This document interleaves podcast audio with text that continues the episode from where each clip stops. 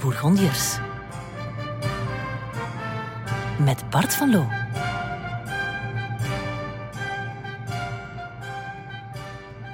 Ik heb u al veel verteld, maar vandaag ga ik beginnen met een stukje voor te lezen. Het is een citaat van Philippe de Comines, kroniekschrijver. In die tijd leefden de onderdanen van het Huis van Bourgondië in grote rijkdom, door de langdurige vrede die zij kenden en de goedheid van hun vorst, die zijn onderdanen weinig belastingen oplegde. Het schijnt me toe dat zijn landen meer dan enige andere heerlijkheid op aarde landen van belofte konden worden genoemd. Ze waren overstelpt met rijkdommen en verkeerden in grote rust, wat ze nadien niet meer mochten beleven. Men gaf er veel geld uit, de kleding van mannen en vrouwen was weelderig, de maaltijden en banketten grootser en overvloediger dan in enige andere plaats die ik ken. Het lijkt het begin van een sprookje. Het zijn woorden van een kroniekschrijver. En wie zou ik zijn zonder die kroniek, zonder de oren en de ogen van die kroniekschrijvers?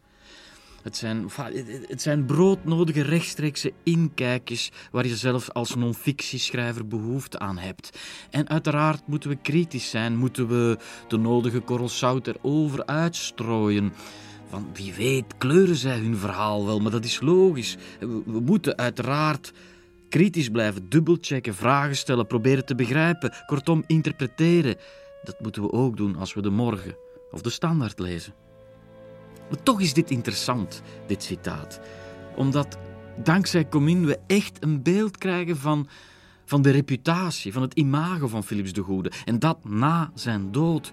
U moet immers weten dat deze Philippe de Comines een tijdje werkte aan het Bourgondische Hof, vervolgens de Bourgondische zaak verraadde en overliep naar de vijand, de Franse koning. Dus eigenlijk werd hij, toen hij dit schreef, betaald om net kritisch naar Bourgondië te kijken. En toch schrijft hij, als het ware, de inleiding op een sprookje. Het zegt veel over de schittering die Philips de Goede zelfs na zijn dood nog in de wereld wist rond te sturen.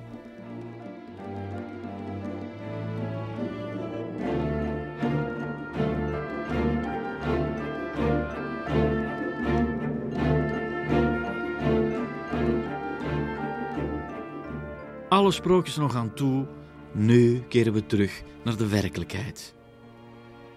En met de werkelijkheid bedoel ik het jaar des heren 1453. Een jaar dat klinkt als een klok. Iemand die enigszins beslagen is in historische data, drukt nu op de imaginaire knop van een al even ingebeelde quiz en roept uit: 1453, dat is het jaar van. Ik liet even een stilte vallen, zodat u deze grote gebeurtenis hardop kon meezeggen. Ach, het behoort, dit jaartal, het behoort tot de top 10 van data die een mens ooit van buiten hoorde te kennen, samen met 476, de val van het West-Romeinse Rijk, 711, dat is het moment waarop de Moren Spanje binnendringen, 800, Karel de Grote wordt keizer, 1066, de Battle of Hastings, 1302, de Goedendag wordt wereldberoemd in Vlaamse geschiedenislessen dankzij de Gulden Sporenslag, 1492 Columbus, 1789 de Franse Revolutie. Het is die categorie. Maar bon, 1453 dus. Ik heb het uiteraard over de val van het Oost-Romeinse Rijk, meer bepaald de val van Constantinopel. Op 29 mei slaagde Mehmet II erin Constantinopel te veroveren. Het nieuws van het einde van het Oost-Romeinse Rijk sloeg in als een bom. Beeld u in, de heilige Sophia-basiliek werd een moskee. En Philips? Philips voelt de Godfried van Bouillon in zich naar boven klimmen. Hij wil meteen zijn paard bestijgen. Hij wil naar Constantinopel. Hij wil de ketters verjagen. Hij is bereid om tot het uiterste te gaan. Oké, we zien al dat hij zijn harnas bij elkaar aan het scharrelen is. We zien al dat hij de diamanten erop aan het vastvijzen is. We laten hem even bezig met zijn bezonjes en we stellen ons een eenvoudige vraag. Waarom in godsnaam wil hij deze onderneming aangaan?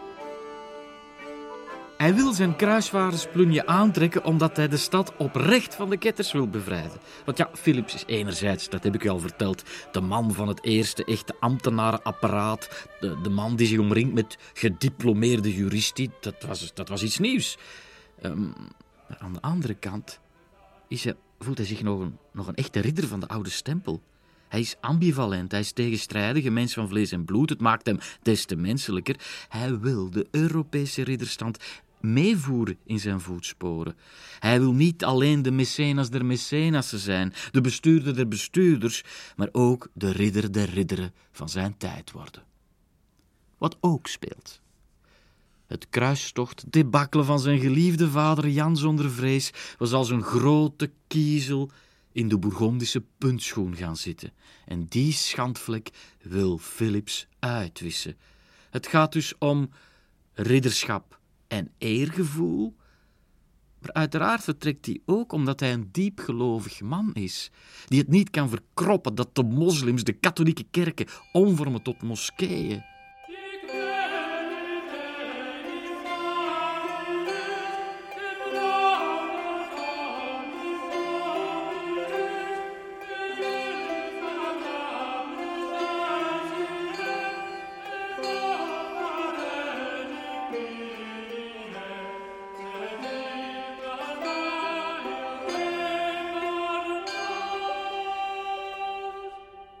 Diepgelovig, ja, en, en, en nog geen klein beetje. Eh, Philips was iemand die niet naliet om voor, tijdens en na veldslagen te bidden. Hij draaide er zijn hand niet om om enkele dagen te vasten op water en brood. Hij durfde zelfs al wel eens een boetegordel omdoen. Hij schonk vele godshuizen, van de grote kerk in Dordrecht tot het Hotel Dieu in Boon, glas in loodramen. Hij deelde aan de lopende band aalmoezen uit aan behoeftigen. Hij ondernam bedevaarten, bezat benijdenswaardige reliquieën, zoals het zwaard van de heilige Joris, waarvan niet bekend is of er nog gedroogd drakenbloed aan kleefde. Hij onderhield een flinke lijst van jaarmissen voor zijn voorouders. Hij luisterde naamdagen van meerdere heiligen op met speciale misvieringen en waste elk op witte donderdag de voeten van twaalf paupers die hij ook nog in zijn warme maaltijd aanbood. Op een gegeven moment stond hij op het punt om een bepaalde stad in te nemen. ze waren op een kritiek punt gekomen. Ze moesten echt doorzetten. Ze gingen Philips wakker maken en die zei, ze zeiden hem: Ja, man, we moet, nu moeten we de laatste slag leveren. En Philips zei: Laten we nog eerst even mijn gebeden afmaken. God heeft ons de overwinning al geschonken, hij zal ze ons niet van ons afnemen. Zo iemand was Philips de Goede dus ook. Het is dan ook niet verbazingwekkend dat de grootste bestseller van zijn tijd, dat die uh, bij hem in de boekenkast stond. Ik heb het over de Imitatio Christi, de navolging van Christus van Thomas van Kempen, dat in verschillende delen is verschenen vanaf 1424 en in 1447 bestelde Philips voor persoonlijk gebruik een Franse vertaling van de oorspronkelijke Latijnse tekst. En het is geen complex traktaat. Het is een leesbare, spirituele gids waarin elke vorm van theologische haarkloverij wordt vermeden. Geen mystieke bespiegelingen, maar een doe-het-zelf boek voor de gelovigen. Eh, met tips voor de concrete geloofspraktijk. De bedoeling was eigenlijk dat je, en dat zijn ergens de woorden van Van Kempen zelf, om met een boekje in een hoekje helemaal tot een spiritueel ik-moment te komen. Dat is niet alleen op gelovig vlak bijzonder belangrijk, het is ook weer een van die groeispurten van het ontwakend individueel besef van de mens. Want plotseling zit de mens effectief in een hoekje met een boekje, terwijl tot, tot dan was literatuur vooral een orale bezigheid. Vertellers die, die verhalen voorlazen of vertelden en men luisterde, maar plots zat iedereen met een boekje in een hoekje, met, met die concrete geloofstips, dichter bij zichzelf te komen. En ineens werd de mens een individu dat las. De mensen werden solitaire tekstverwerkers. Zo ook voor Philips, die regelmatig met zijn neus en een knijbril en een kaars aangestoken in Thomas van Kempen verdiept zat.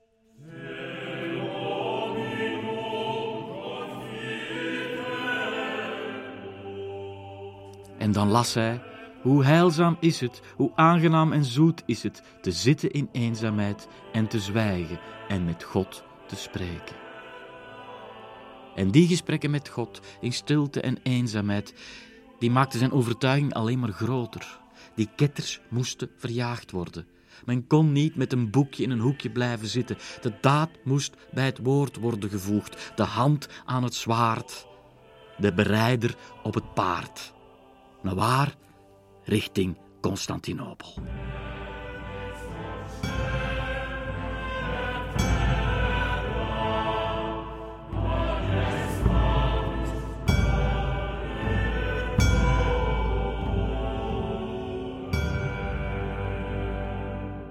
Maar, maar, maar, drie keer maar. Want niemand wil mee. Niemand wil mee. Philip staat daar alleen in zijn harnas met de diamanten erop gevezen. Men zei hem, meneer de hertog, die Godfried van Bouillon, die is al meer dan 300 jaar dood. Laat die oude koeien toch in hun gracht zitten. Ondanks het nieuws van de eeuw, de val van Constantinopel, stond hij alleen. Maar wat was zijn antwoord? Hij gaf het feest van de eeuw.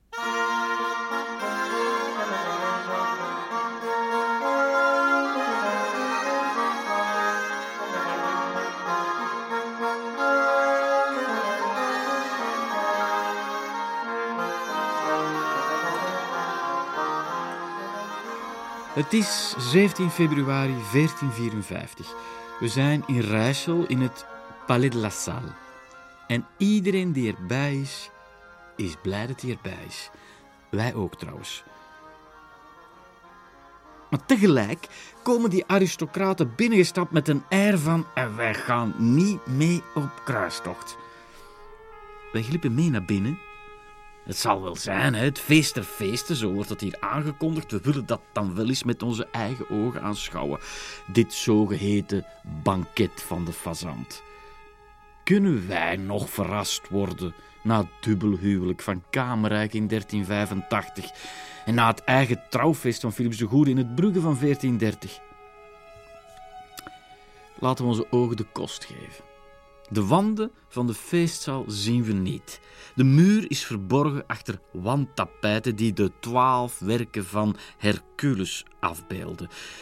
Dat moest iedereen toegeven, dat was niet slecht gedaan, maar men kreeg amper de tijd om de details te bestuderen.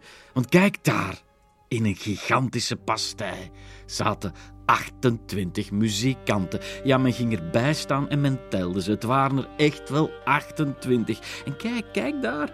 Er zaten enkele blinde draailierspelers bij. Blinde? Waarom?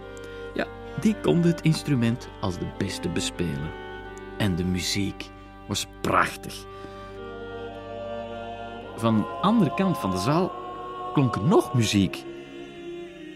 Hoofden werden gedraaid en ja, verderop prijkte op een immense tafel prijkte een kruiskerk.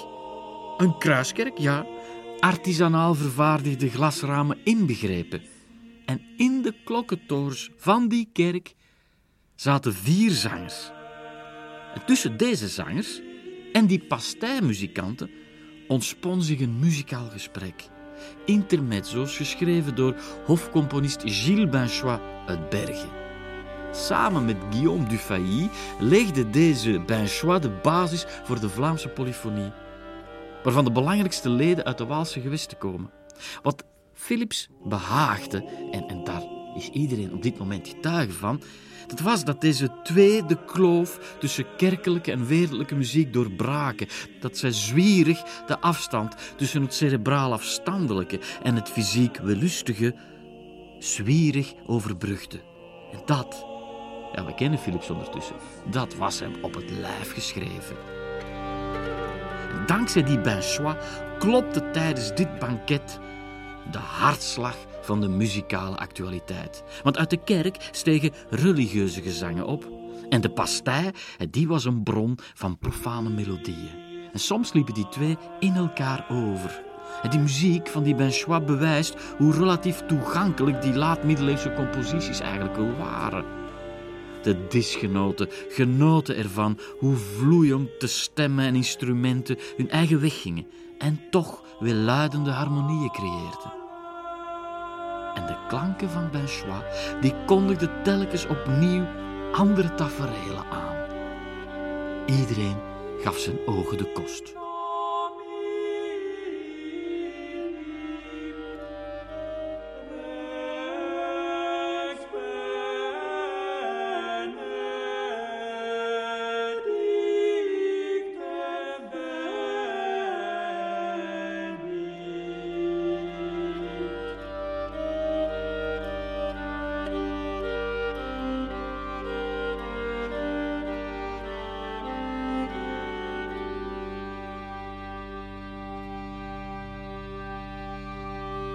Was een soort van gezamskunstwerk. Gemaakt door schilders, beeldhouwers, schrijnwerkers, koks, componisten, automatenbouwers. Die hadden zich allemaal dubbel geplooid voor deze feilloos georchestreerde performances. Maar kijk daar, een, een, kabouter waarvan de benen poten leek en de voeten klauwen. En die bereed een in groene zijde ingepakt everzwijn. En aan de andere kant vocht de enige echte jazon van het oorspronkelijke gulden vlies een verbeden strijd uit met een reuzenslang. En in het midden stond een zingend hert. Het droeg een kind dat zich met beide handen vasthield aan het gewei. En, en ondertussen liet de hun roofvogels los om een losgelaten reiger te vangen. Tussendoor, alsof dit nog niet genoeg is, vloog er ook nog een vuurspuwende draak in een flits over de hoofden van de tafelgenoten heen. Waren profane wonderen. Maar ze moesten baan ruimen, plaats maken voor wat het religieuze hoogtepunt van het feest zou worden. Maar bon, eh, dat hoogtepunt, dat, daar wachten we nog even op. Eh, we zien ook allerlei experimenten met stoom. Bijvoorbeeld een artificieel vervaardigde boom met daar zilveren vogeltjes op en dan stoom uit de grond. Dat kwam naar boven. Dat begon allemaal te bewegen. Die vogeltjes, ja, die, die begonnen zelfs te fluiten. En iedereen had zoiets van, wauw, dit is, dit is, dit is ongelooflijk. En het was dus het was een soort van de hogere kunst van de gadgets. Samen met illusionele effecten, practical jokes. Maar gemaakt door de grootste kunstenaars. Er lagen ook gewoon roosters op de grond, waar dan ook weer stoom uitkwam. En als de vrouwen daar met hun klederen over paradeerden, die rokken, die, die, die vlogen er omhoog. En iedereen zo... Dat is, als u nog eens een film ziet met Marilyn Monroe, het komt allemaal van de Bourgondiërs. En dan een kapoen. Kapoen, weet u, een gesneden haan, een gecastreerde haan. Geen idee hoe ze dat aanpakten, maar ze hezen die in een harnas, ze staken die in een wapenuitrusting. En die kapoen werd dan schrijlings op een gebraden varkentje gepresenteerd en werd vervolgens door vier Oost-Europese dwergen de zaal binnengedragen. En iedereen, iedereen voelde hoe zijn mond openviel van verbazing. Die Bourgondische hertog was er hen eentje. Hij had werkelijk alles uit de kast gehaald.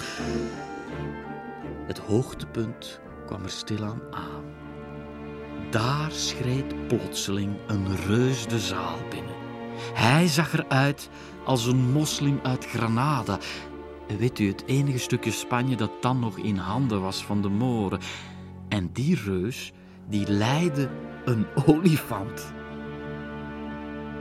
Enfin, olifant. Dat was een gigantische automaat die een draagstoel torste. Met daarin een wondermooie verschijning. Erin zat een vrouw. Een beeldschone vrouw. Maar het was niet alleen maar een, een vrouw. Die dame bleek de verpersoonlijking van de heilige kerk. En zij richtte zich tot het publiek in een lange klaagzang. Mijn domein wordt met voeten getreden. Het is in handen van de ongelovigen. U, ridders van het gulden vlies, vergeet toch niet de goddelijke opdracht.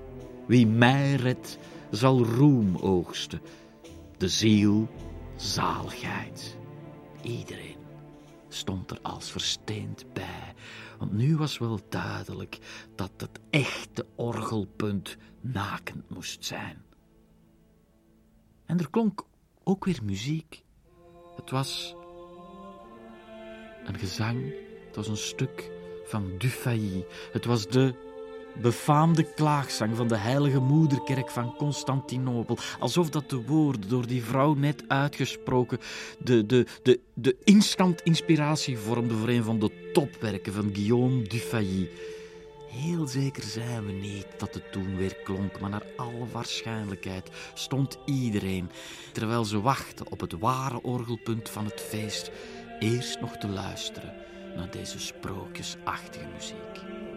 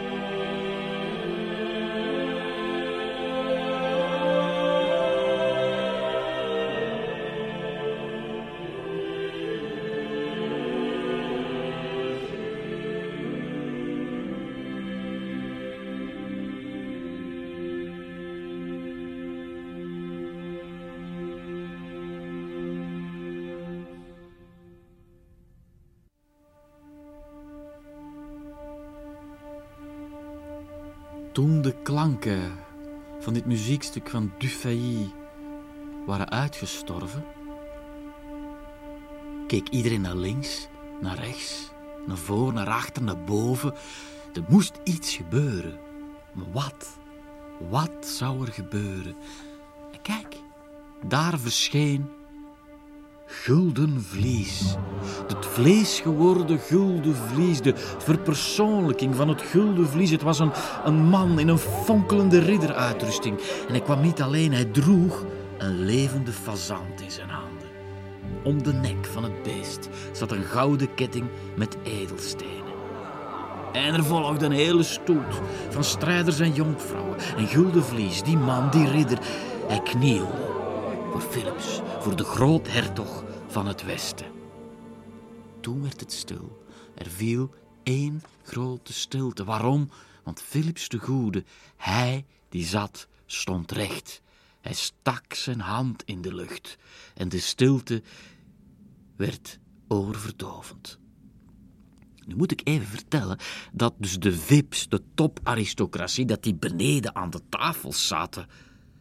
Maar dat Philips in een soort van slimme propagandareflex ook nog de iets lagere aristocratie had uitgenodigd, niet om mee te komen eten, maar die had hij gewoon als toeschouwers gelokt. Hij had namelijk grote tribunes rond dit feest gezet. En daar, daar zat dus de rest van aristocratisch Europa toe te kijken. En ook daar kon je een speld horen vallen. En iedereen, van op de eerste tafel tot op het laatste plaatsje in de tribune, hoorde hoe Philips met lichttrillende stem sprak. Ik ben Philips de Goede hertog van Bourgondië, en ik zweer dat ik naar Constantinopel zal trekken om de ketters uit de stad te verjagen. Toen sprong zijn zoon, de twintigjarige Karel de Stoute, ook recht. Dat was wellicht afgesproken. En die zei iets in de trant van: En ik ook. Enfin, wellicht iets verhevener en iets langer, iets meer uitgesponnen. En plots al die kerels die die naar binnen waren gekomen met wij gaan niet mee op kruistocht, die hadden ondertussen al zoveel spektakel moeten aanschouwen. Die waren helemaal in een soort van roes en trance gekomen. Die waren blij in eerste instantie omdat zij als toeschouwers mochten zien, mochten aanwezig zijn, mochten aanschouwen. Het evenement, dat was nu wel duidelijk, het evenement van hun tijd. Maar plotseling voelden ze zich geroepen om niet alleen toeschouwers te zijn, maar om ook acteur te worden. Om mee kleur te geven aan het feest der. En kijk, daar sprong er al een recht.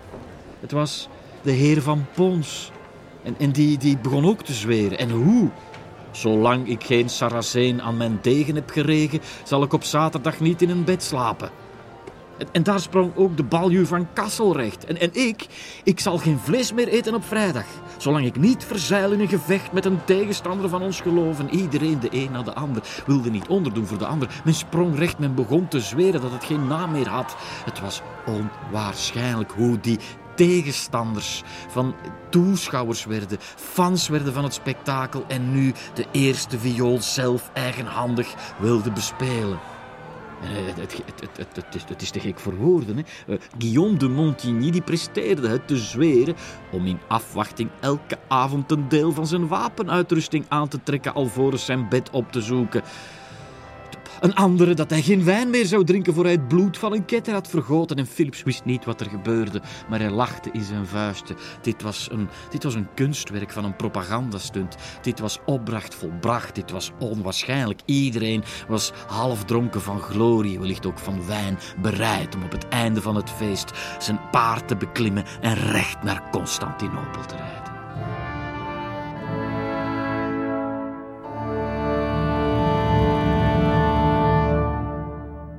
Maar u weet hoe het gaat in de politiek.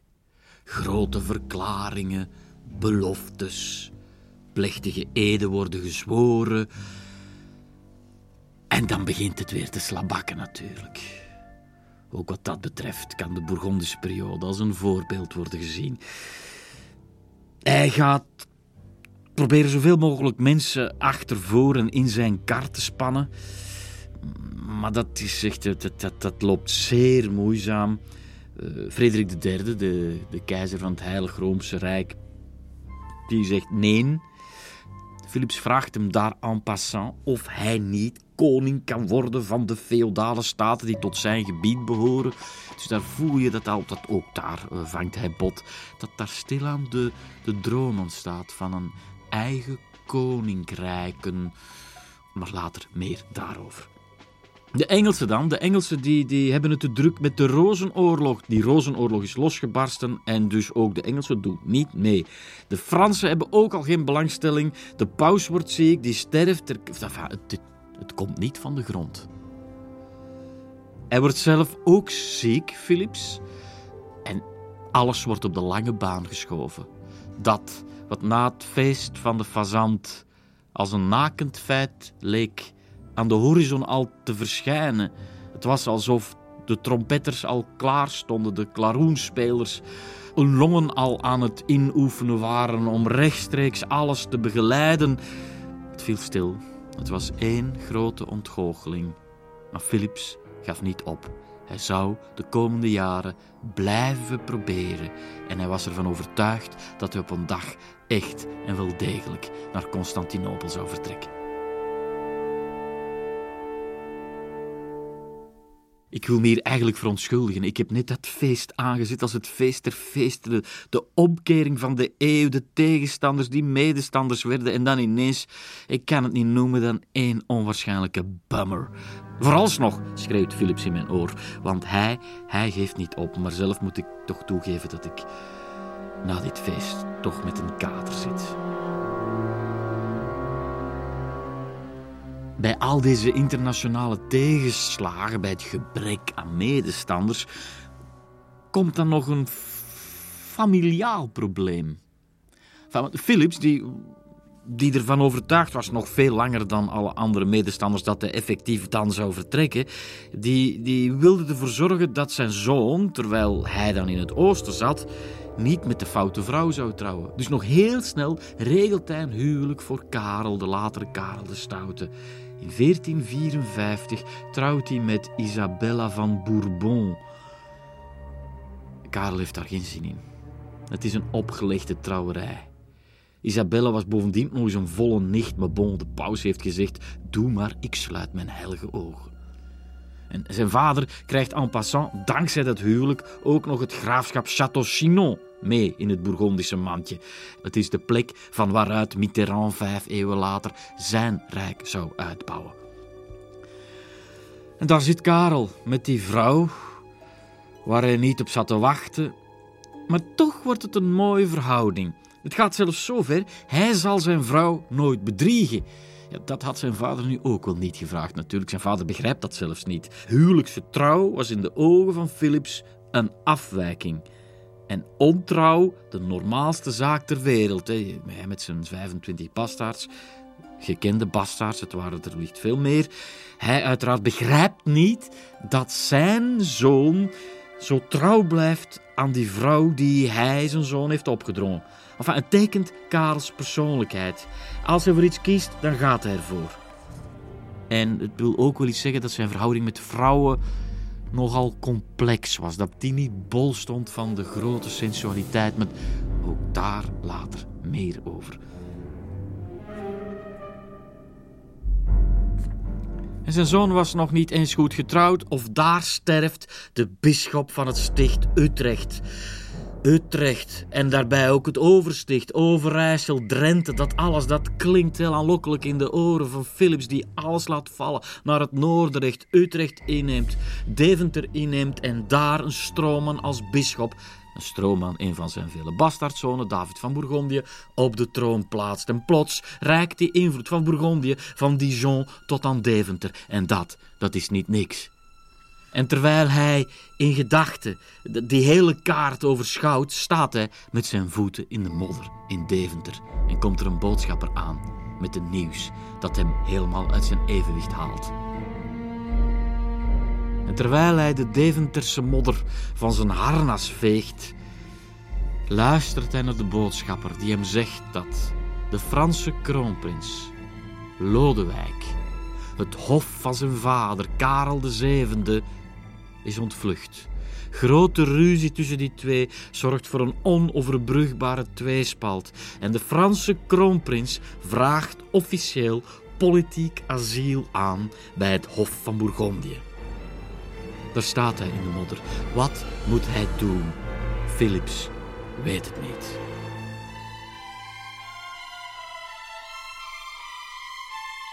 Wat was er mis in Frankrijk? Wel, die jonge kroonprins, die, die Lodewijk, was een zeer ambitieuze man. Als, als jongeling was hij al in opstand gekomen tegen zijn vader, samen met andere aristocraten. Het was de zogeheten pragerie. En, en die anderen hadden hem een snelle troonsbestijging beloofd. Dat loopt af met een sisser, maar ja, hij, hij zit daar terug eh, bij zijn vader. Dat is nooit meer goed gekomen. Ja, wat wil je? En dan komt er nog de overtreffende trap van de oneenigheid. De maîtresse van zijn vader. Niemand minder dan Agnès Sorel. En die Agnès Sorel is echt een legendarische figuur. Want het is voor de eerste keer in de geschiedenis dat een vrouw het statuur krijgt van een erkende maîtresse.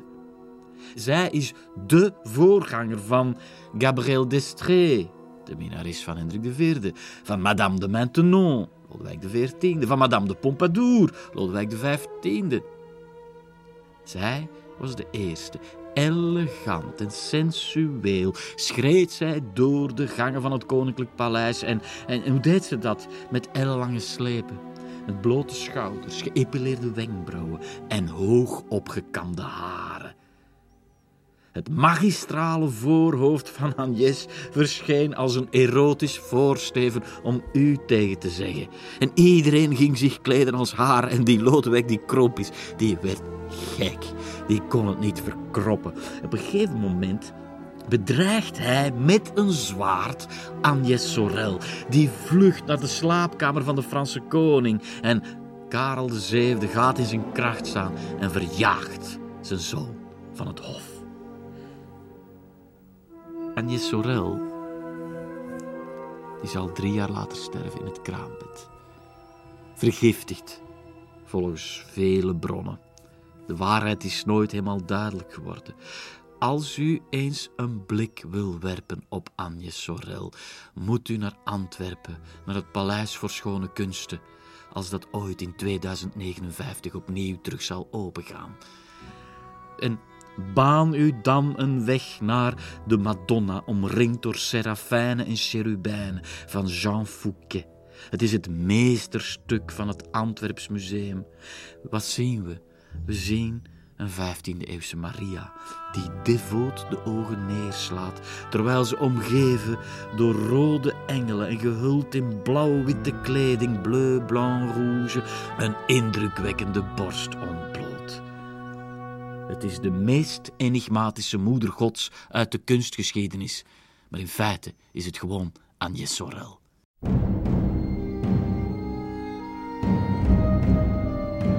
En deze Agnès Sorel is dus de druppel die de emmer van de ergernis van Lodewijk doet overlopen, die ervoor zorgt dat hij de benen neemt.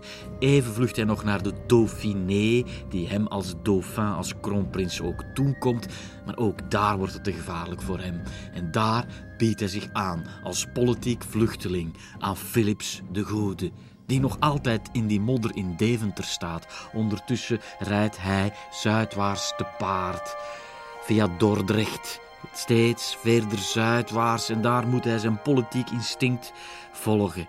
En zijn politiek instinct dicteert hem onder het mom van gastvrijheid om die Lodewijk te ontvangen.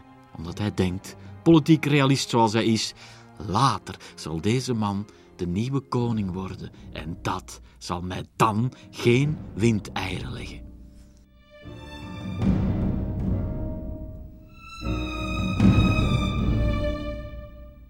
Op 15 oktober 1456 ontmoeten Lodewijk en Philips elkaar op het binnenplein van het paleis op de Koudenberg. Aan de ene kant de berooide vluchteling, aan de andere kant de groothertog van het Westen. Maar die groothertog, die ziet in gedachten voor hem al de toekomstige koning. En wat doet hij? Hij valt op zijn knieën en maakt een voetval. Hij wil het gereglementeerd aantal voetvallen uitvoeren en dat irriteert Lodewijk. Die roept gegeneerd uit: Op mijn woord, goede oom, als u nu niet opstaat, ga ik weg en laat ik u liggen. het is een soort van beleefdheidswedstrijd die, hoe zal ik het zeggen, Lodewijk op punten wint. Ja, Philips wil de etiketten respecteren. Hij geeft ook Lodewijk alles wat hij wil. Een kasteel in Genappe waar hij op kosten van diezelfde Philips van de hertog een, een, een, een riant leven kan leiden. Het is voor de hertog, voor Philips, een belegging. Een belegging die hij later, daar is hij van overtuigd, dubbel en dik zal terugverdienen. Maar wat Philips niet had voorzien, was het rechtstreekse gevolg. Door de aanwezigheid van de Franse kroonprins aan het Bourgondische hof was Karel de Stoute, zijn zoon, zijn troonopvolger, die van ambitie door zijn paard zakte, was hij slechts derde in rang geworden. En de wrok, de wrok borrelde bij Karel naar boven. En terwijl Philips in zijn nopjes was, kon hij niet bevroeden dat het jaar dat nu zou aanbreken misschien wel het vreselijkste jaar uit zijn carrière zou worden. Het zou komen tot een breuk met zijn vrouw, een breuk met zijn zoon en een breuk met kanselier Rollin.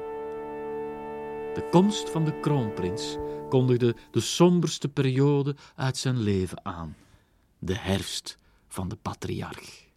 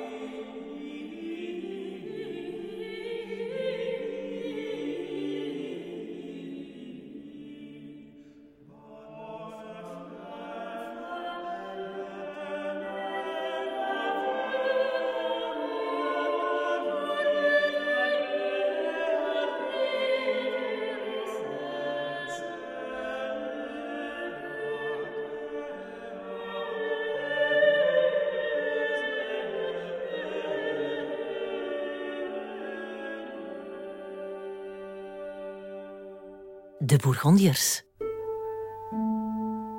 Met Bart van Loo. Misschien is dit dan wel het geëikte moment om eens even kort stil te staan bij Karel de Stout. Wie, wie was die Karel juist? Hij was een graag geziene gast op riddertoernooien. Tijdens zijn jeugd is dat wat hem het meeste interesseert: wapengekletter en epische ridderliteratuur.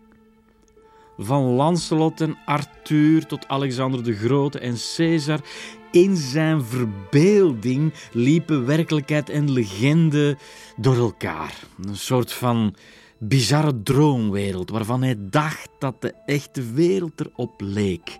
Had Thomas van Kempen de navolging van Caesar geschreven, Karel zou het boek de hele tijd op zijn hart hebben gedragen. Maar hij was allesbehalve een barbaar. Hij las Latijn, sprak vlot Frans, Engels, Portugees, Diets, liet zich graag voorlezen uit dikke boekwerken. En als hij dan eens de mensen moest toespreken, dan vond hij het erg leuk om zijn redenvoeringen te doorspekken met klassieke citaten. Ken je dat?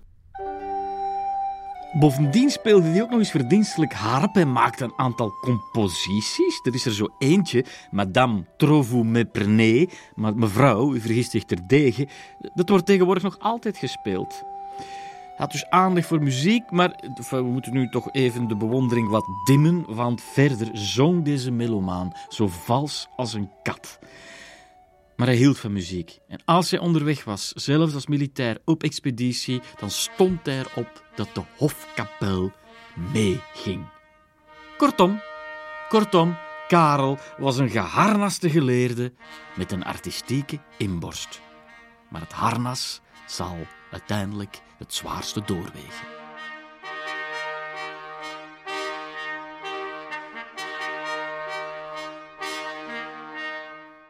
En deze man was erg ambitieus. En deze man die was plotseling de derde in rang.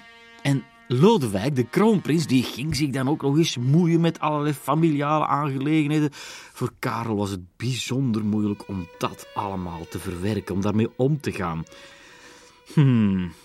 Lodewijk, en dat kon hij helemaal niet hebben, Lodewijk de kroonprins, die papte aan met de leden van het huis van Croix. En dit is fundamenteel, want er was een soort van tweespalt aan het Bourgondische hof. Je had aan de ene kant de clan van de Croix, om een lang verhaal kort te maken. Die lijn begint bij Agnes van Croix, dat is een buitenechtelijke verhouding van Jan zonder Vrees.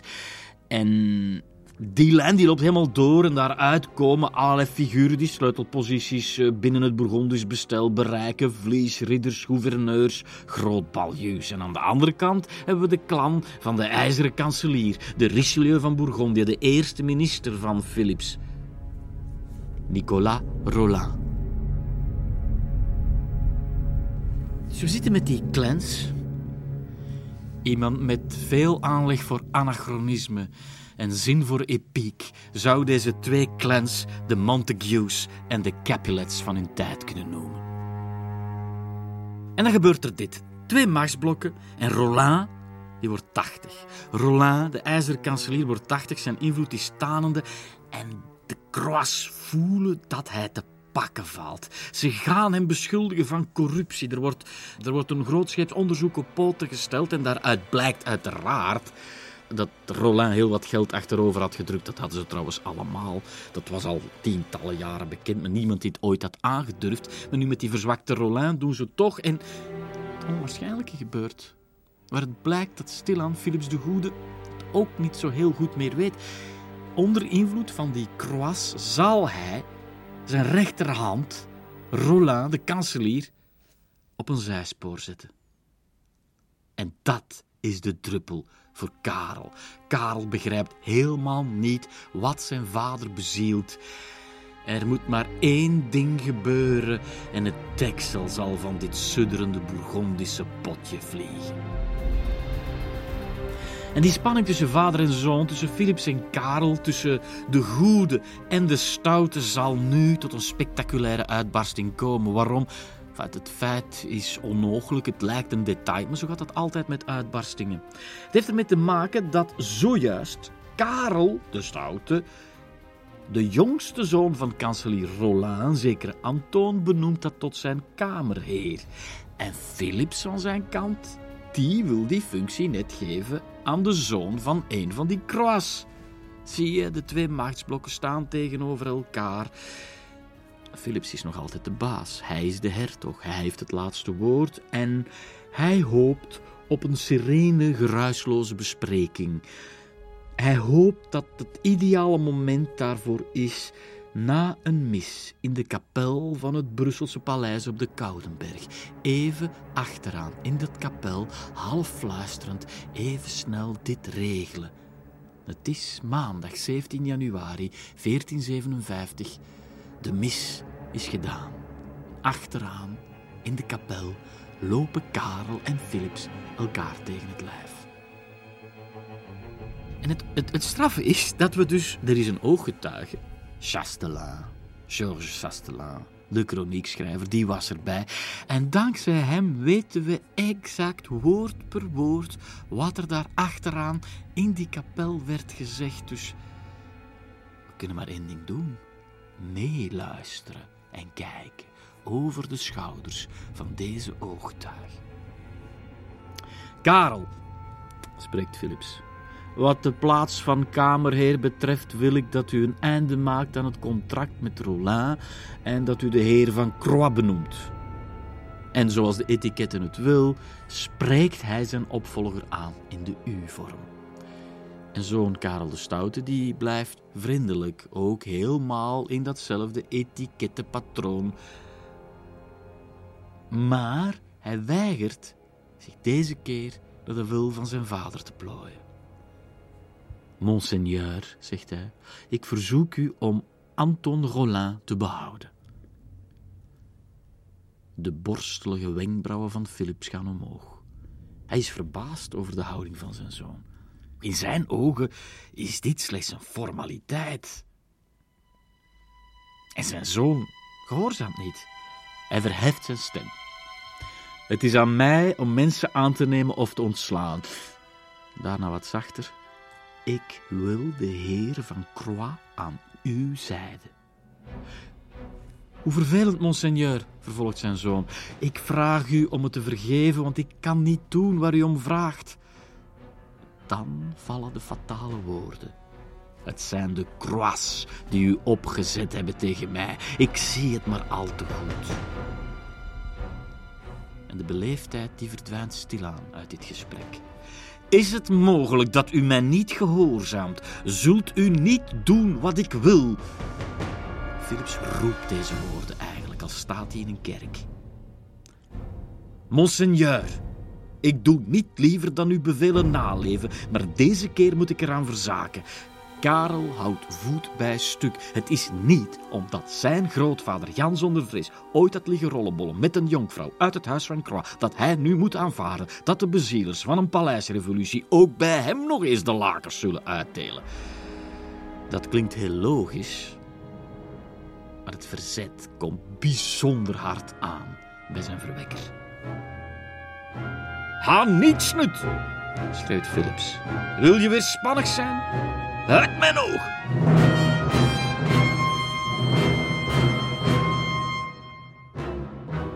En het bloed trekt weg uit zijn gezicht. Het bloed lijkt zich te verzamelen rond zijn hart en klontert daar samen tot één brok wrok. En Philips de Goede verliest zijn bijnaam als hij in woede ontsteekt. Dat is hier ook het geval. Het scheelt geen haar of Philips had zijn dolk getrokken. En de mama is erbij. Hertogin Isabella van Portugal, weet u nog, die van het sprookjesachtige huwelijk in Brugge. Zij staat erbij. Zij moet haar handen voor haar, voor haar mond hebben geslagen. Ze, ze moet paniekerig hebben gekeken. Ze zet zich tussen vader en zoon. Philips keert zich even af van dit schouwspel en dan neemt ze haar zoon Karel bij de hand en ze trekt hem mee naar de deur. Ze klopt op de deur, ze vraagt aan de, aan de geestelijke aan de andere kant: opent de deur of we zijn verloren. Zo ontkomen moeder en zoon langs een wenteltrap. Philips wordt gek. Hij ziet zijn bloedeigen zoon vertrekken met zijn vrouw.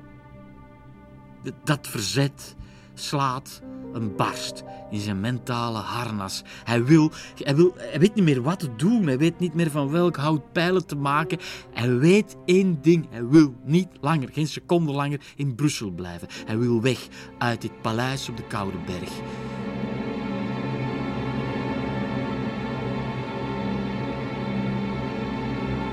In een soort van hysterische verwarring bestijgt hij een paard, geeft het de sporen en hij is vertrokken. Naar waar, dat weet hij niet. Hij weet maar één ding. Hij wil weg van hier en daar is hij vertrokken. We moeten de details beschrijven om goed te begrijpen waar Philip zich nu bevindt op zijn paard weg uit Brussel. We moeten ons inbeelden wat er aan de hand is, namelijk dat er motregen uit de lucht valt. Dat de dooi zich nog maar pas heeft ingezet, dat er overal smurrie ligt, maar het kan hem niet teren. Het is een eenzame ruiter. Hij doorkruist velden en paden, maakt nu en dan rechtsomkeer, wijkt dan weer naar links of naar rechts uit, kijkt regelmatig om, want hij denkt dat ze hem achterna zitten onzin. Want in Brussel, eer dat men begrepen heeft dat de vogel is gaan vliegen, is hij al lang achter de horizon weg. Die onstuimigheid doet hem het overzicht verliezen. In wezen is hij nog helemaal niet zo ver van het paleis. Eh, maar plots moet hij, ervaren veldheer, die gevochten heeft in Deventer, in Utrecht, bij Brouwershaven, noem maar op, moet hij op enkele kilometers van het paleis toegeven dat hij de weg is kwijtgeraakt. En net wanneer dat besef indaalt, valt de nacht. Hij heeft helemaal geen benul meer waar hij zich bevindt. En, en de benen van zijn paard zakken steeds dieper weg in de door de dooi aangevreten ondergrond. Maar hij geeft niet op, integendeel. Hij volhardt in de boosheid. Hij stuurt op dat moment zijn paard, en dat is, dat is eigenlijk onwaarschijnlijk, maar hij stuurt zijn paard een gitzwart woud in. Van paden is vanaf nu geen sprake meer. Het is alleen maar donkerte. Boomstammen, eindeloze bomenrijen, helling op helling af en het paard bezeert zich aan de doornstruiken. Af en toe moet Philip zijn paard afstijgen om even op de ondergrond te gaan voelen waar hij zich al dan niet bevindt. Het is, dit is een, het is een hilarisch tafereel. De man voor wie ontelbare stervelingen de knie hadden geplooid, ziet zichzelf nu verplicht om zelf te buigen. Voor wat? Voor wie? Voor bomen. Voor welke bomen? De bomen van het Soniawoud.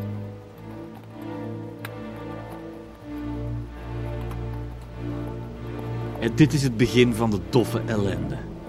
In die onherbergzame wildernis valt zijn beest een keer of drie. Uiteindelijk breekt het zadel en Philips de Goede moet te voet verder.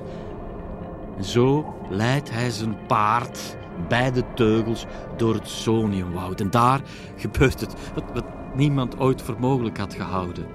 Daar roept de groothertog van het Westen om hulp.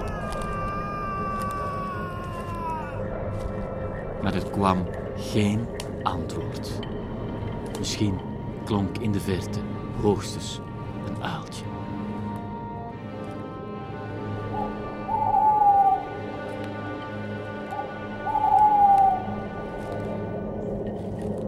Maar dan ziet hij licht in de verte. Ah, hij leeft op. Zo snel als hij kan gaat hij erop af en het is iets merkwaardig wat er gebeurt. Er komt rook uit de ondergrond. Het lijkt alsof er vuur opkronkelt uit meer dan duizend gaten. Is hij op weg naar de hel? Philips verbeelding slaat op hol. Het blijkt om een onschuldige kolenbranderij te gaan. Hetgeen wat wij allemaal al wel eens in een donker bos hebben meegemaakt. Dat wij in de donkerte de vreselijkste dingen inbeelden. Het overkomt hier zelfs Philips de Goede. Het is ongeveer middernacht. Na lang zwerven bereikt hij het hutje van een arme trommel. En vol verwachting klopt de meest gefortuneerde vorst van het Westen op die rammelige deur. De deur kraakt open.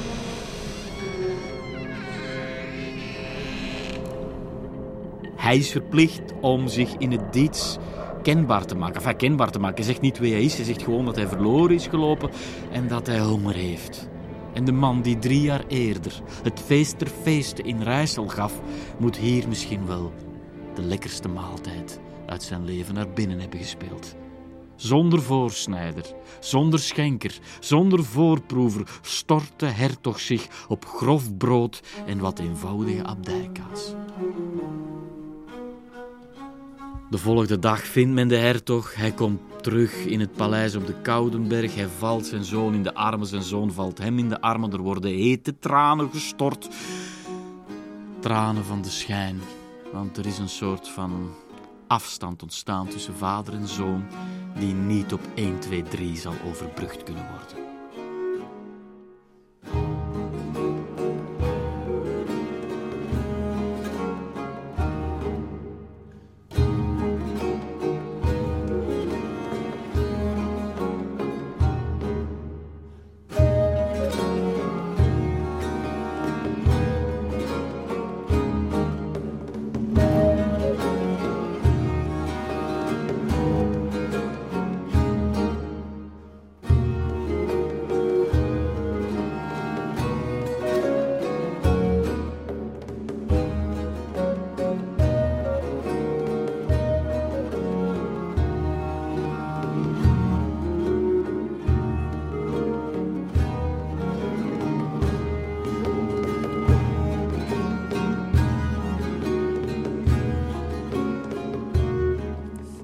Ondanks al die miserie is er toch weldra weer een reden om feest te vieren.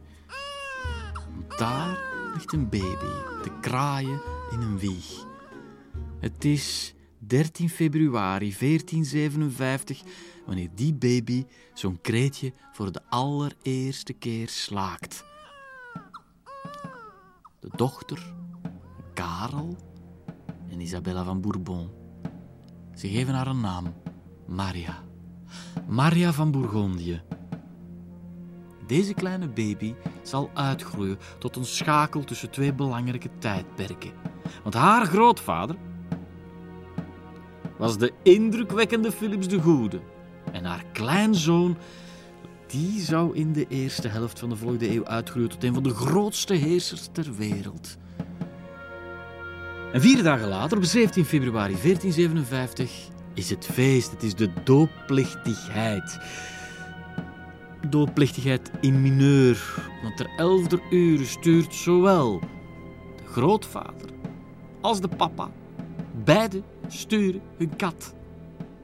Alle twee voeren ze dezelfde drogreden op. Ze komen niet omdat het maar om een meisje gaat. Het is geen troonopvolger. Het is slechts een baby die Maria heet.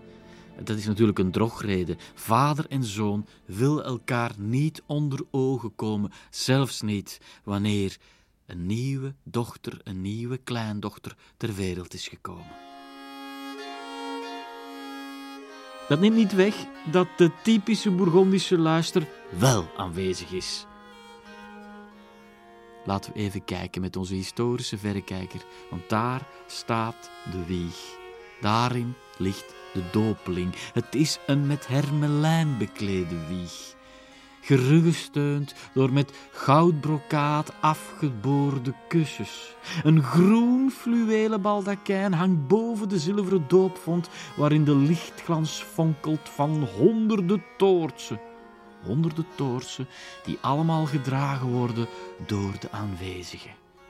Het lijkt wel een sprookje, maar het was het niet.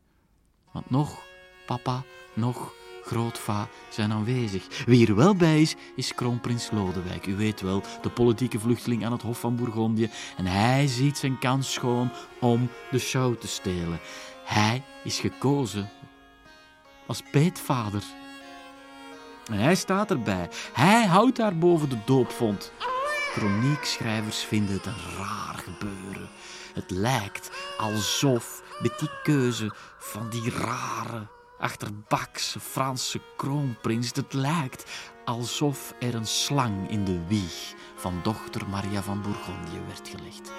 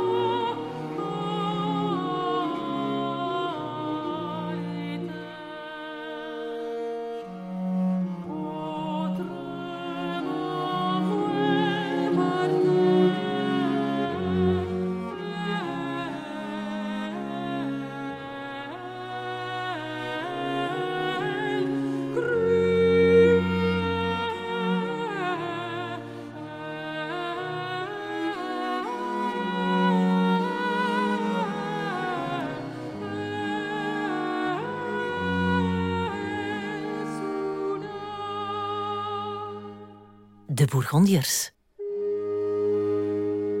Met Bart van Loo. Het moeten geen gemakkelijke tijden zijn geweest voor vader en zoon, die naast elkaar leven aan het Bourgondische Hof, meer zelfs.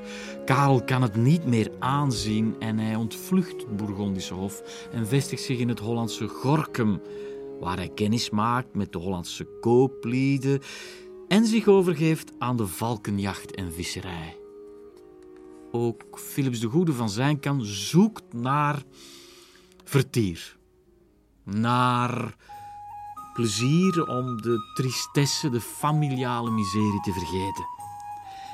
En het is dan dat hij op eenzame winteravonden een aantal gedreven vertellers rondom zich verzamelt. Die, die, die vatten plaats aan zijn troon. Dat zijn eigenlijk de aristocraten die bij hem inwonen of te gast zijn. En hij verplicht hen om een verrassende vertelling te berden te brengen. En niet zomaar een vertelling, het moet een aangebrande, schunnige, liefst zo gortig mogelijke vuile mop zijn. Daar komt het op neer. Hij wil zich kunnen bescheuren van het lachen. En er is iemand die daarbij staat en die dat opschrijft. En alles wordt gebundeld. Het heet Les Cent Nouvelles Nouvelles. En die bundeling die schetst een treffend beeld van de aangebrande koddigheden die bij Philips de Goede en zijn gevolg erg in zwang zijn. Wie zich evenwel waagt aan de samenvatting van zo'n nouvelle, die dreigt in een ordinaire moppetapper te veranderen. Toch ga ik een poging ondernemen. Eén verhaaltje, één schunnige mop uit Les Cent Nouvelles Nouvelles. Dit werd ooit gedicteerd verteld bij de troon van Philips de Goede in het paleis op de Koude Berg. Daar waar nu in een ander paleis een andere Philips naar een ander soort mop aan het luisteren is wellicht. Want uh, het paleis op de Koude Berg, dat helaas afbrandde in de 18e eeuw omdat een of andere kok was vergeten zijn kachel uit te toven. Dat afschuwelijk was, want in die gangen daar hingen meesterwerken van Rogier van der Weijden, van Jan van Eyck, allemaal opgefikt. En er was niet eens een brandverzekering. En op die plek zal later een nieuw paleis verrijzen. Ons koninklijk paleis. En dus op de plek waar onze huidige koning Philips af en toe een croque monsieur eet of een beschaafd gesprek voert met zijn echtgenote, aanhoorde die andere Philips, Philips de Goede, halverwege de 15e eeuw de ene schunnige mop na de andere. En dus hier mijn poging om er eentje van te interpreteren. Er was eens een rijke Engelse edelman. Voilà, dat is al het begin van een foute mop. En die rijke Engelse edelman had een grote, onstilbare seksuele appetijt. Hij had een jonge ridder die ritselde galante afspraakjes voor hem. Maar op een dag trouwde die edelman en weigerde de ridder voortaan nog galante afspraakjes voor hem te regelen. Huwelijkse trouw voor alles. Maar onze edelman met zijn appetijt, weet u, die zon op wraak. Hij gaf de opdracht om voortaan elke dag, s morgens, middags en s avonds voor zijn ridder zijn lievelingsmaaltijd te bereiden. Dat was palingpastei. En in het begin was die man zeer tevreden. Hij stortte zich op die palingen, maar op den duur kwamen die palingen hem uit de oren gekropen. Hij kon ze niet meer zien. Hij deed zijn beklag bij zijn edelman en zei: Ik kan er niet meer tegen. Ik heb geen zin meer in die palingpastei. Mijn maag draait zich om in mijn keel. En die edelman die antwoordt: en denk jij dat ik niet genoeg krijg van het lichaam van mijn vrouw? Denk jij dat ik op den duur niet wallig van haar zoals jij van je pastei? En die ridder die kan alleen maar ja knikken en opnieuw galante afspraakjes ritselen voor zijn meester. En wij moeten ons Philips en de zijne schuddenbuikend van het lachen voorstellen.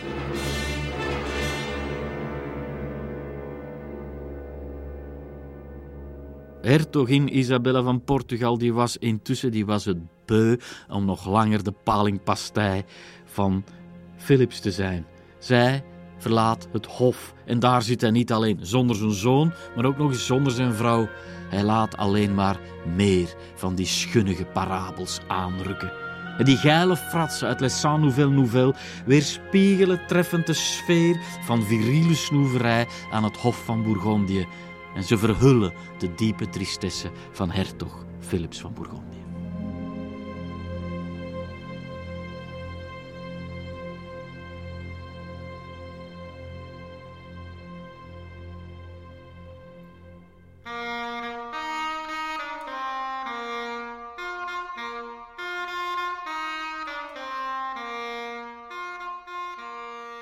De moppetapperij wordt onderbroken door een nieuwtje dat binnenvalt uit Frankrijk. Koning Karel VII. De Franse koning die Frankrijk uit de klauwen van Engeland had gered, mede dankzij de hulp van Jeanne d'Arc, had het tijdelijke met het eeuwige verwisseld. Hij was dood. En ja, Philips schiet meteen in zijn gala-kostuum. Ja, hij moet Reims. Hij moet erbij zijn. Hij heeft vijf jaar aan een stuk deze kroonprins de hand boven het hoofd gehouden. Hij wil naast hem staan. Hij wil als het ware de man zijn. Iedereen moet zien dat deze man koning is geworden voor een stuk dankzij hem. En hij, hij eist natuurlijk enige luister op. Wat had u gedacht? De glinstering van de parels, robijnen, diamanten op zijn gewaad stelt Lodewijk letterlijk in de schaduw.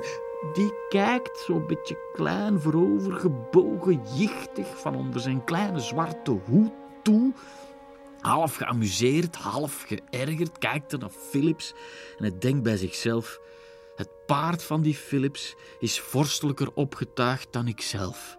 Maar wat kan het mij schelen? Ik heb het nu voor het zeggen. En dat hij uit een ander hout gesneden is, dat, dat blijkt tijdens de feestelijke maaltijd. Als de eerste de beste landloper legt de nieuwe Franse koning zonder omhaal zijn kroon tussen het zoutvat en zijn zilveren drinkbeker. En Philips de Goede, die, die, die, die, die, die, die verslikt zich bijna bij dit stuitend gebrek aan ceremonieel. Als hij had gedacht dat hij de nieuwe Franse koning in zijn binnenzak had zitten, wel, dan komt hij erg bedrogen uit. Hij moet gewoon, een beetje met een triest gemoed, terug naar Brussel. In Frankrijk is het duidelijk, heeft hij niets meer te zoeken.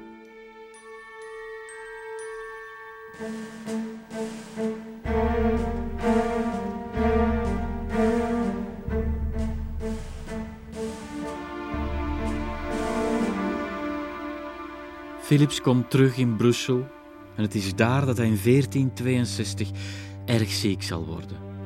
De koorts laait hoog op. Eiland ziet hij de dood eigenlijk in zijn gedachten al verschijnen, maar hij overleeft, want wie komt er terug bij aan het ziekenbed zitten? Zijn vrouw, hertogin Isabella. En ook zijn zoon. Zijn zoon die hij uiteraard eigenlijk doodgraag ziet. Karel komt er terug bij zitten. En die familiehereniging blijkt het beste medicijn.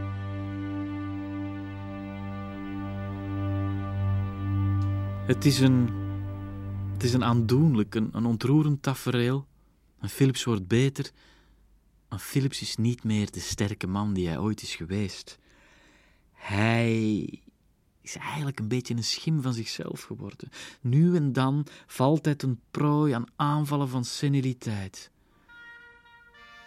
Maar dan wordt hij weer beter, voelt hij zich weer sterker en voelt hij plots weer die oude droom in hem oplaaien. Is het omdat hij in de verte al de adem van magere hein voelt? Wie zal het zeggen, maar Philips wil eindelijk zijn allerlaatste, zijn grootste droom verwezenlijken. Philips de Goede wil nu eindelijk, nu die familie herenigd is, nu hij weer beter is, wil hij naar Constantinopel. Hij wil de Turken verdrijven. Alles wordt in gereedheid gebracht. En een van zijn kroniekschrijvers stuurt de volgende opzwepende verzen in januari 1464 de wereld in. Roep het uit in stad en straat dat uw hertog op kruisvaart gaat. Wees zijn steun en toeverlaat en verheug u in woord en daad.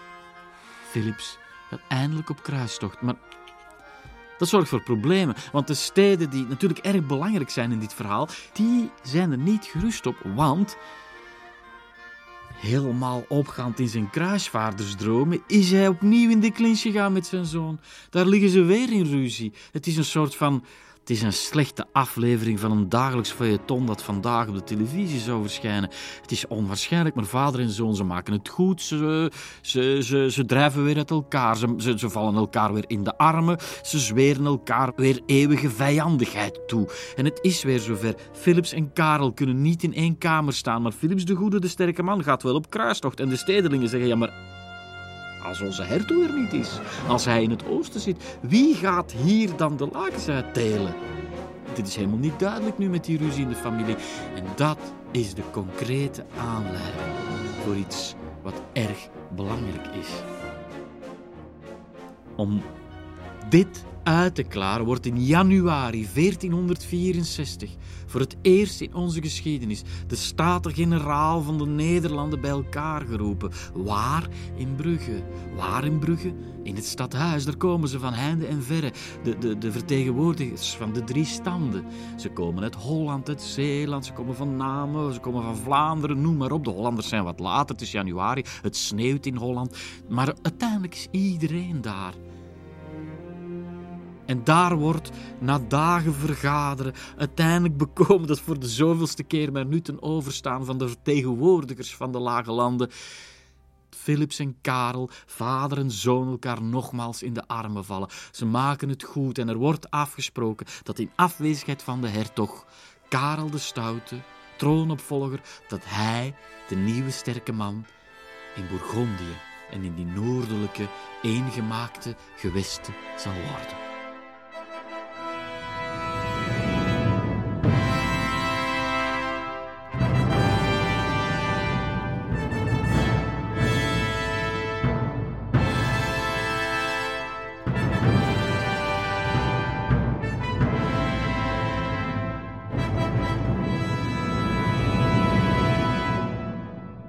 Zijn in 1464 en op dat moment leven wij in onze contraien al 44 jaar onder het gezag van Philips de Goede. Veel heeft hij al bereikt, dat weet u intussen. Het enige wat echt nog ontbrak was het begin van participatieve democratie. Het begin, het prille begin van democratische inspraak in onze gewesten. En ook daar zorgt hij nu ter elfde uren voor. En het opmerkelijke is dat dit proces van vernieuwing op gang komt dankzij het voornemen op kruistocht te gaan.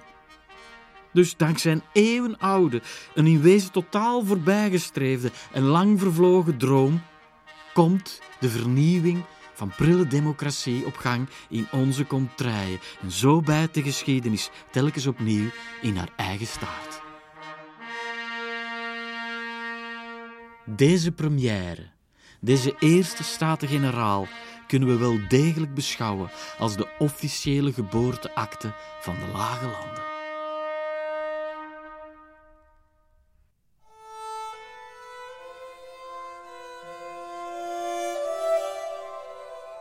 Philips, Philips wil vertrekken. Hij, heeft er alles voor over. Hij verkoopt zelfs tot grote ergernis van Karel de sommensteden die, die, die, die tactisch zo belangrijk zijn voor heel veel geld aan Frankrijk, omdat hij hoopt dat hij met dat geld zijn kruistocht zal kunnen sponsoren. Maar toch vertrekt hij niet, want niet veel later gaat het licht uit bij Philips. Zijn aftakelende geest had al eerder tekenen van kindsheid vertoond, maar nu is de arme hertog echt seniel geworden. Die kruistocht, die verdwijnt, die verbrokkelt tot niets en tot gruis in zijn verwarde geest. Hij zit in een hoekje, in een soort van atelier, als een tienjarige, met scharen, met priemen, met beitels, met, met hamers zit hij dingen in elkaar te knutselen. Dit die arme sukkelaar was ooit de groothertog van het Westen, maar nu een verdwaasde geest in een oud lichaam. Af en toe is er een opflakkering en dan, dan ziet hij zijn zoon weer. Dan op, bij een van die opflakkeringen maken vader en zoon het, definitief goed. dit moet misschien wel een van de officieel geregistreerde laatste woorden van de echte aartsvader en eenmaker van de lage landen zijn geweest. Philips spreekt tot Karel. Mijn zoon, ik vergeef je alle fouten die je hebt gemaakt. Wees een goede zoon. Ik zal een goede vader zijn.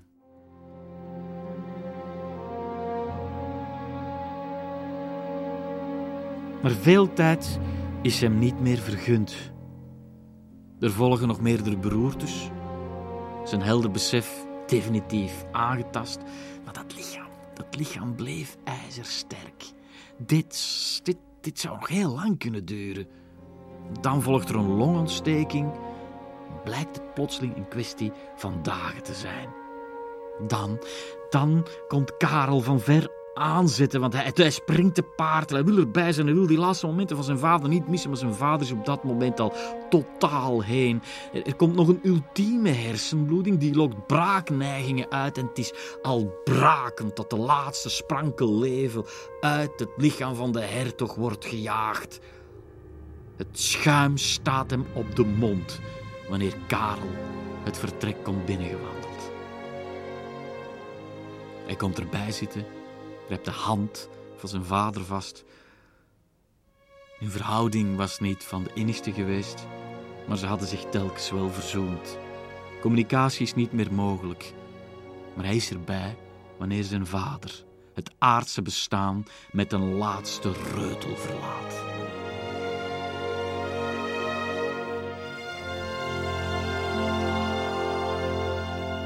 ...15 juni 1467. En Karel schudt, beeft. Hij valt handen op de grond. Hij trekt zich bij de haren. Hij roept en hij huilt. Het halve Brugse prinsenhof bij elkaar.